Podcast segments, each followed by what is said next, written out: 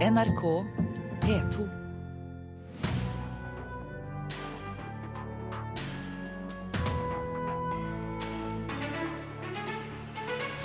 Planene for nytt regjeringskvartal legges frem av Statsbygg i dag. Jeg frykter vel at de ikke har lyttet til alle de gode faglige rådene som de har fått. Rådet for byarkitektur er en av mange som har store forventninger. Det bor bare ni personer der, men nå får Bjørnøya i Barentshavet et eget museum. Og i natt ble det klart, Annike von der Lippe er Emmy-nominert for andre gang. Hun er gjest i Kulturnytt. Mitt navn er Stine Tråholt, men først skal vi til regjeringskvartalet. Om noen få timer så legger Statsbygg frem planene for hvordan et nytt regjeringskvartal skal se ut i fremtiden. Det er et av de største byggeprosjektene i norsk historie i moderne tid, og debatten har gått høyt helt siden terrorangrepet 22.07. Riving av bygninger, høyde og sikkerhet er blant temaene som har vært diskutert. Men i dag så er det altså første gangen at vi får se skissene til fremtidens regjeringskvartal. Regjeringskvartalet ligger jo i et veldig viktig område for et velfungerende sentrum. Eh, enten det er kommunikasjoner, kollektivtrafikk, varelevering osv. Så, videre. så det jeg håper vi ser, er et byplangrep som ikke gjør et nytt regjeringskvartal til et uh, folketomt og dødt uh, område, men til et område som fortsatt skal kommunisere godt med den omkringliggende byen og, og, vårt kjære sentrum. Mot normalt i hovedstaden så er det staten som har reguleringsmyndighet over området. Men selv om byråd for byutvikling Bård Folke Fredriksen dermed fritas for ansvaret for hvordan regjeringskvartalet blir, så håper han at partikollega og kommunal- og moderniseringsminister Jan Tore Sanner hører nøye på hva byråden har å si. Det er klart at de sikkerhetstiltakene vi nå må stille, må selvfølgelig være mye høyere. Og det tror jeg er mulig å integrere i et nytt bygg. Men hvis man ender i en situasjon der man stenger viktige eh, veier og forbindelseslinjer, så vil det svekke muligheten til å ha et aktivt handelsliv, aktivt kulturliv og et aktivt eh, by- og gateliv. Det sier altså Bård Folke Fredriksen, avtroppende byråd for byutvikling i Oslo kommune. Også helt uten reell makt i denne saken er det som kalles Rådet for byarkitektur, et organ som vanligvis gir kommunen råd om pågående arkitekturspørsmål i byen. Men som nå mer enn gjerne gir sine råd til regjeringen isteden. Jeg frykter vel at de ikke har lyttet til alle de gode faglige rådene som de har fått. Det sier Henning Kalland, leder for Rådet for byarkitektur i Oslo kommune, en av mange som har skrevet høringsuttalelse om regjeringskvartalet. Jeg mener det er veldig viktig å konsentrere bebyggelsen mellom Møllergata og Grubbegata. Fordi da får man uh, satt av en del plass til andre ting. Jeg syns tanken om en regjeringspark er veldig bra. Og jeg syns også, som vi har sagt tidligere, det er viktig å beholde Y-blokken. Hittil har kommunal- og moderniseringsminister Jan Tore Sanner vært kategorisk avvisende til å la Y-blokka stå. Han mener den må rives. Ja, det er mulig det. Men uh, uh, så lenge Y-blokken står der, så, og så lenge det er kommet såpass gode faglige innspill etter at man tok det jeg mener er en forhastet beslutning om å rive, og basert på et etter min oppfatning tynt faglig grunnlag, eh, så syns jeg at det må man kunne revurdere. Men ingen av de to, verken byråden eller lederen for Rådet for byarkitektur, er negative til alt. Begge tror at det kan bli et fint regjeringskvartal dersom man gjør ting riktig. Ja, jeg tror det. Jeg velger å være optimistisk på det. Og så er jeg for min del ikke så redd for kanskje å gå litt i høyden. Det tror jeg eh, godt nok man kan, eh, man kan tåle. Og så må man eh, se på hvordan man da kan integrere sikkerhetstiltakene i selve byggene for å, for å opprettholde de viktige funksjonene som Akersgata, 37-bussen, Møllergata osv. Og så mellom disse områdene kunne bygge et flott nytt regjeringskvartal, sånn som vi egentlig alle ønsker oss. Reporter her var Birker Kåsrud Jåsund. Kulturkommentator i NRK Agnes Moxnes, eh, det sies her at det er frykt for tomt byrom, og at det ikke har fulgt faglige råd. Er det noen grunn til det? Altså jeg tror at det spørsmålet om eh, sikkerhet, det er blitt underspilt i den offentlige debatten frem til nå. Det er kompliserte spørsmål, og det er jo ikke så mange som er ute og fronter og sier hva er det som gjelder og ikke gjelder her. Men det ligger jo i bånn at regjeringskvartalet skal være en eh, permanent sikkerhetssone. Så er det fortsatt ikke fattet noe vedtak om hva slags sikkerhetsnivå det skal være i dette nye regjeringskvartalet. Og man tar jo ikke lettere på det etter det som har skjedd i København og i Paris tidligere i år. Så frykten for det tomme byrommet, det er en helt reell eh, frykt. Helt konkret, hva får vi vite i dag? Ja, Vi får jo vite hva de har tenkt nettopp altså på hvilken måte sikkerhetsspørsmålet påvirker eh, det anbefalte forslaget som nå Statsbygg kommer med til regjeringen. Eh, men så får vi også vite altså høyde på hus. Det har vært en debatt. Det var veldig mange som så de forslagene som ble lagt frem eh, tidligere i år, hvor høyden på husene jo strakk seg opp mot 100 meter. Fikk veldig mye kritikk. Ehm, så er jo spørsmålet hvor det skal plasseres i landskapet. Om man skal ha et konsentrert regjeringskvartal, eller om man også skal, for å få høyden ned, også skal bruke de gamle eh, regjeringsbyggene som er i bruk nå. Så det er mange spørsmål eh, man får svar på for Oslos innbyggere. Så er det selvfølgelig også hvilke gater som blir gågater. Hvor kan bussen gå, hvor kan T-banen gå, hvor kan man kjøre bil. Ja, og det som er sikkert er at debatten vil i hvert fall ikke stilne etter dette. Hvor eh, bestemmende er det som legges frem av Statsbygg i dag? Jeg tror det kommer til å være ganske bestemmende, fordi det er et eh, ønske i, eh, som ligger Eller altså er slik nå at eh, departementene er ute, lever på legd. De bor hos eh, andre.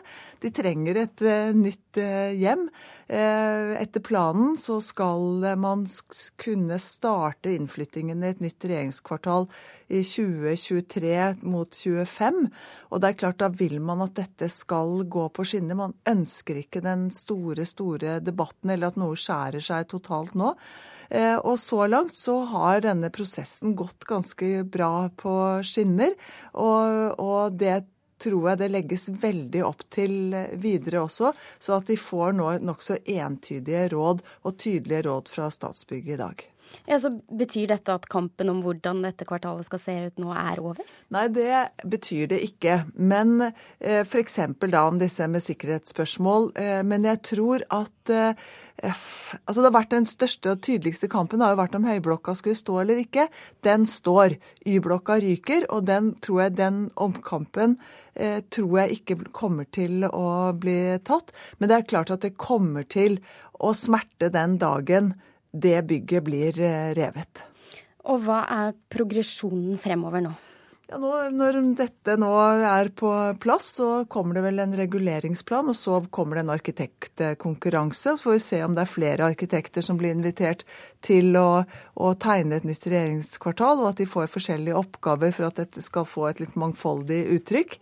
Eh, så starter byggefasen i 2020, og som sagt så skal det altså da 6000 i alle fall, eller bortimot, 6000 ansatte få et, eh, få et nytt hjem fra 23 til 25, hvis alt da går etter planen. Og vi her i Kulturnytt og NRK vil fortsette å følge denne saken også utover dagen. Takk skal du ha, kulturkommentator i NRK, Agnes Moxnes.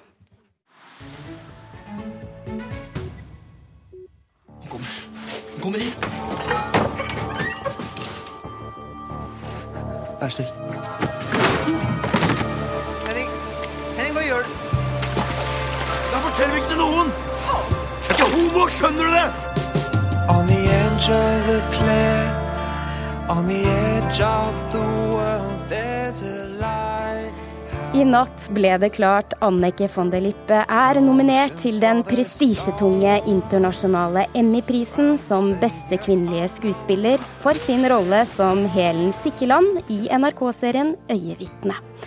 Anneke von der Lippe, gratulerer. Tusen takk. Hvordan fikk du denne beskjeden? Nei, ja, jeg fikk den i går. Jeg var på teatret og hadde akkurat tatt ut løstenna på Bakegutten.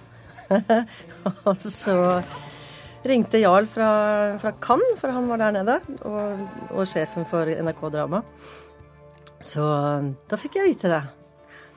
Og Jarl, som du snakker om, ja. her er altså regissør og eh, skrevet manus eh, på Øyenvitne. Og du er også med oss eh, på telefon fra Cannes, Jarl. Gratulerer til deg også. Hva betyr en slik nominasjon for serien?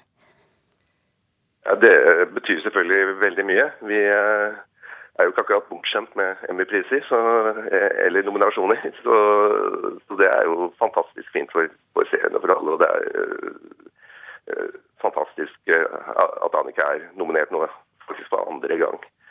Ja, det er det for andre gang, Annike van der Lippe. For det skjedde også i 2005 for innsatsen din som helseminister i serien Kongens bord. Du har vært igjennom dette før. Kan du si noe om betydningen? for deg? Ja, ja, ja, og nei, holdt jeg på å si. det er jo veldig stort og rart, og, utrolig nok så har jeg vært med på det før. Så jeg vet jo litt hva jeg går til denne gangen nå. Ja, det, hvordan er det? Jo, eh, nå tror jeg bare jeg skal kose meg. Forrige gang var jeg jo fryktelig nervøs. Jeg trodde jeg skulle besvime og alt sammen. Men, eh, men eh, men ja, hvordan føles det? Ja. det, er, det er, det er litt uvirkelig, det må jeg si. Det er twice in a lifetime. Kanskje. Ja. Kan du beskrive litt hva som venter deg nå fremover? Ja, det er jo å finne denne kjolen, da. Og så er det litt intervjuer sikkert. Og så skal, må vi jo til New York. Må til New York. Ja, og hva tror det. du om dine egne sjanser? Jeg, jeg, har ikke peiling, men altså, nå er det bare tre som er nominert, da. Og så er det litt spesielt, har jeg hørt, fordi at uh, jeg er visst den eneste da uh, ikke-engelskspråklige fra Europa som er nominert. Så det er en fra England, og så er det en fra Brasil, tror jeg, og så er det meg. Så det er jo litt sjanser, kanskje. Hvordan er eh, oppstyret rundt det hele når du kommer ned? Siden du har vært der før, så, kom, så vet du vel litt om det? Jo, det er, masse styr. Det er absolutt eh, det er, det er, mye sånn, det er mye sånn når kameraet er på, så er det veldig, veldig mye styr. Og så når kameraet slukker, så er det ikke noe. mm. Jarl Emsel MC Larsen, du har også eh, regi på Øyevitne og er nå i Cannes. Eh, TV-messe der nede for å bl.a. selge dramaserier og TV-produksjoner. Har det noe å si når du nå er i Cannes, denne nominasjonen? Ja, akkurat her nå. Ja, det, ja, det snakkes jo om det. Så det, det det er fint, det. Hvordan har mottagelsen vært i eh, andre land? For serien er jo solgt til flere land. Den er vist på NRK, men solgt til mange land. Ja, den har akkurat nå gått i, i Frankrike og kommer i Tyskland. Eh, det jeg ikke, vet jeg liksom ikke noe om selve resultatet av det, annet enn at eh, det har gått i beste sendetid og sånne ting. Men øh, den er akkurat sluppet på DVD i Storbritannia, og der har den fått øh, fantastisk fine anmeldelser. Uh, og det er jo i, i, altså i britisk presse, så det, det, går veldig bra for øyevitner for tida. Ja, hva sier de? Uh, nei, det, de de snakker selvfølgelig om Nordic Noir, og at den går inn i det. Og den går jo da liksom opp mot andre kjente serier som, eh, som 'Broen' og 'Forbrytelsen'. Og, og eh, i, i liksom den, Det er jo en slags bølge eh, som har vart ganske lenge nå, mot Skandinavia. Og nå er jo altså vi med i denne, da. Og hvordan vurderer du Annike von der Lippes sjanser til å vinne den 23. november? Ja, det, det Jeg tror på det, jeg. Jeg tror, tror, at det går bra for Annike denne gangen. Annike, det er da altså eh, beste kvinnelige eh, skuespiller. Eh, kan du fortelle litt om denne rollen som Helen Sikkeland? Hva er det som gjør det spesielt for deg? Ja, nå begynner det å bli lenge siden allerede. Nei, jeg tenkte litt på det da jeg leste noen av disse kritikkene fra England. Uh, og det som var litt spesielt, var at uh, denne rollen er jo på en måte litt sånn inn, ikke sant.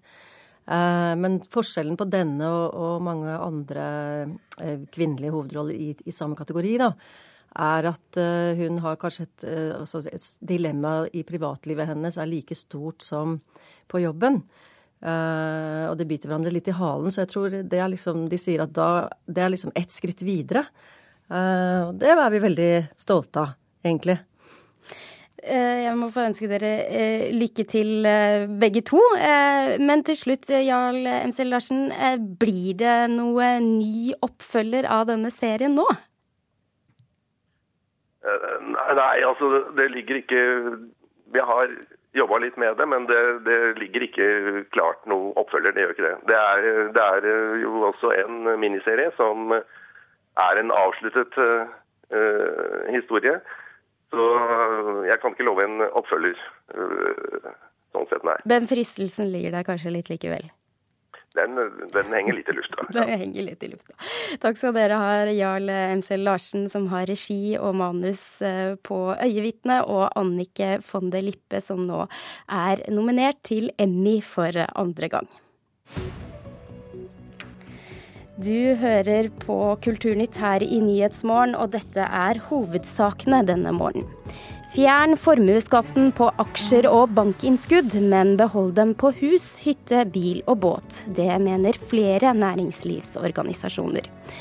To personer er bekreftet omkommet etter en trafikkulykke ved Dovreskogen i Oppland. Ifølge politiet kjørte en personbil inn i en bro. Pensjonsrettigheter skal også deles ved et samlivsbrudd.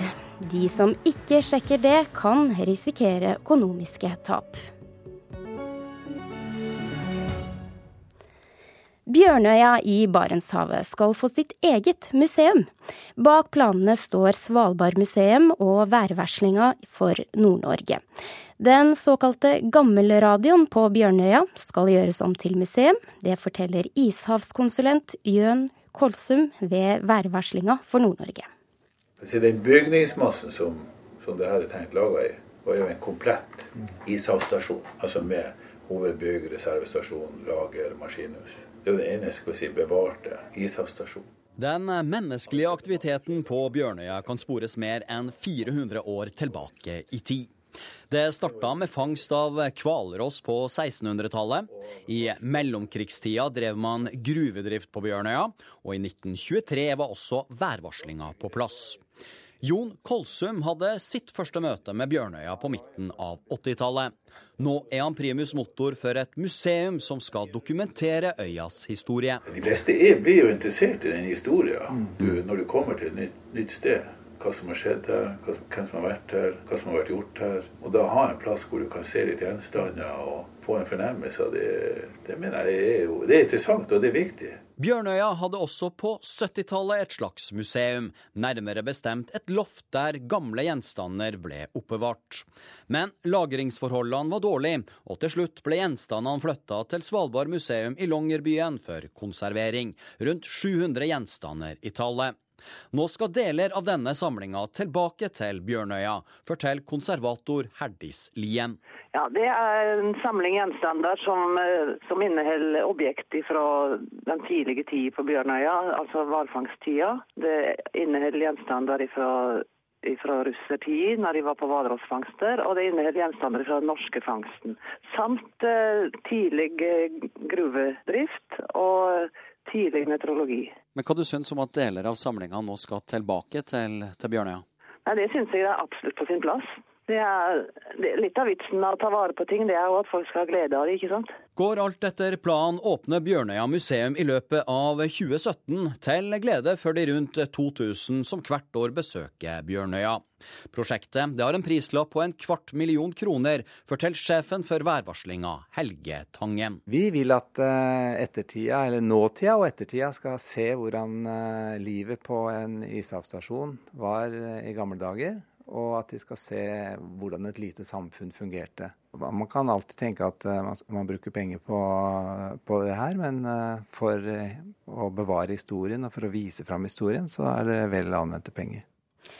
Og reporter her var Rune Norgård Andreassen.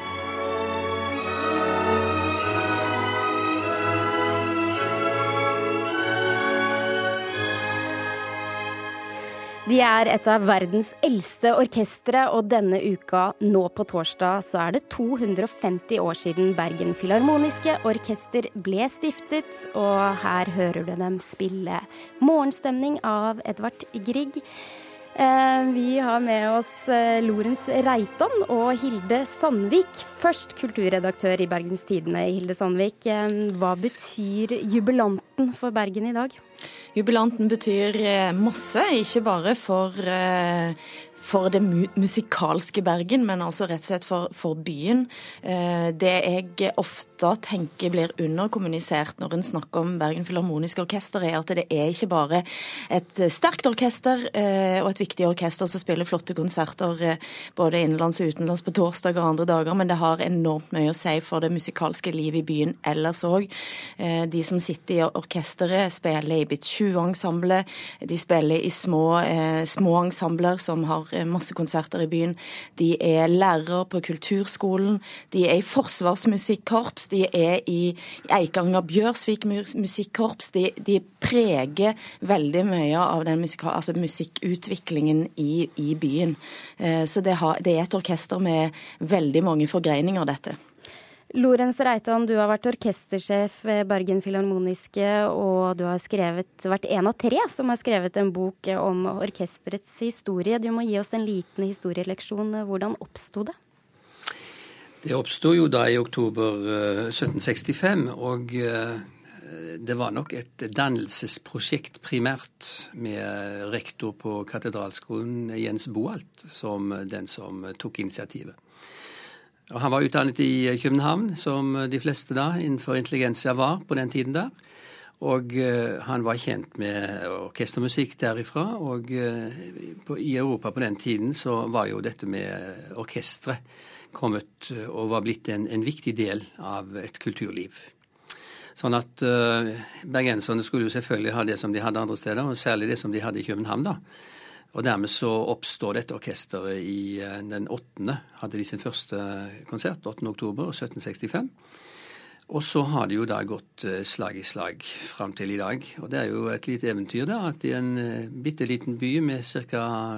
12 000-13 000 mennesker, som Bergen på den tiden var, kunne da sette i gang og få et orkester som holdt regulære konserter, og som utvikla seg, og som kom til å farge kulturlivet på en ganske kraftig måte som det gjør i dag, allerede den gangen. Ja, og vi hørte orkesteret spille Edvard Grieg her i starten. Han var kunstnerisk leder fra 1880 til 1882. Hvilken betydning fikk han for orkesteret? Eh, Grieg fikk enorm betydning for orkesteret. Det har vist seg når vi nå har gått igjennom og uh, har skrevet denne boken. da. Vi er fire stykker som har gjort det. Eh, og da har eh, Grieg faktisk vist seg å være den store strategen for utviklingen av det moderne orkesteret. Han eh, var kjent med orkestertradisjon på kontinentet, var selv en veldig god dirigent. Hadde jo dirigert orkester i Kristiania før han, før han tok over orkesteret i Bergen de to årene du nevnte. Og han stilte, han stilte kompromissløse krav. Det skulle være kvalitet. Og eh, det er jo en morsom historie, da. Da de skulle ha prøve til en konsert i desember, og eh, damene i koret eh, stilte opp på ball i stedet for å komme på generalprøven, og da kasta han det like godt ut av orkesteret. Sånne folk ville han ikke ha. De som skulle være i hans kor og hans orkester, de skulle stille opp på full tid. Det var kunsten som sto i sentrum.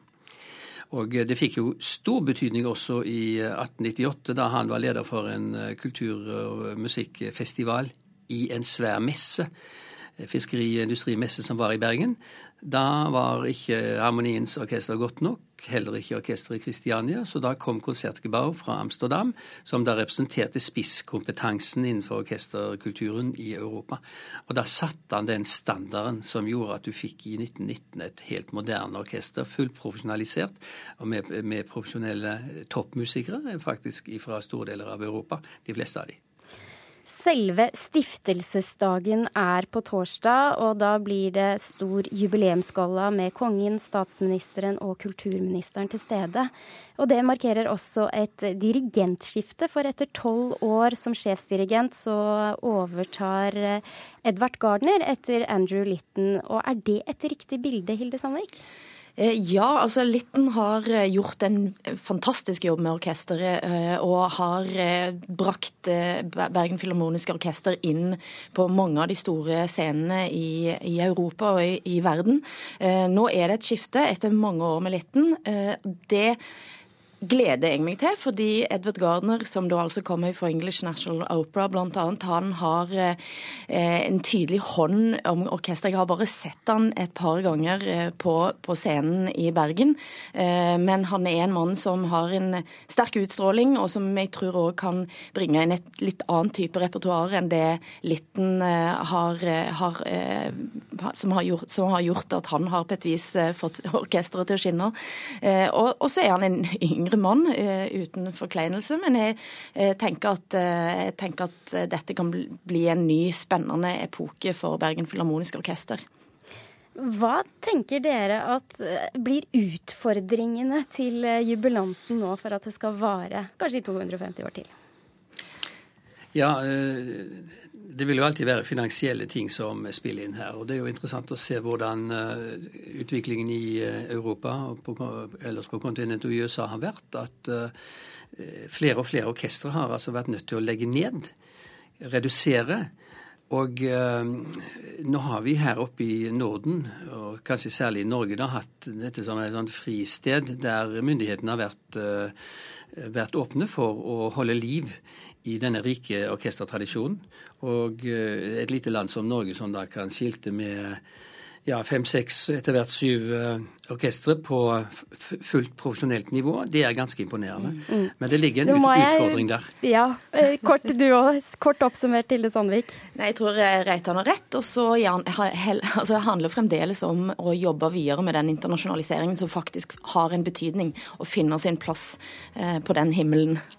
Og med det så skal vi avslutte denne sendingen. Gjermund Jappé har vært ansvarlig, og nå får du Dagsnytt her i NRK P2 og Alltid nyheter.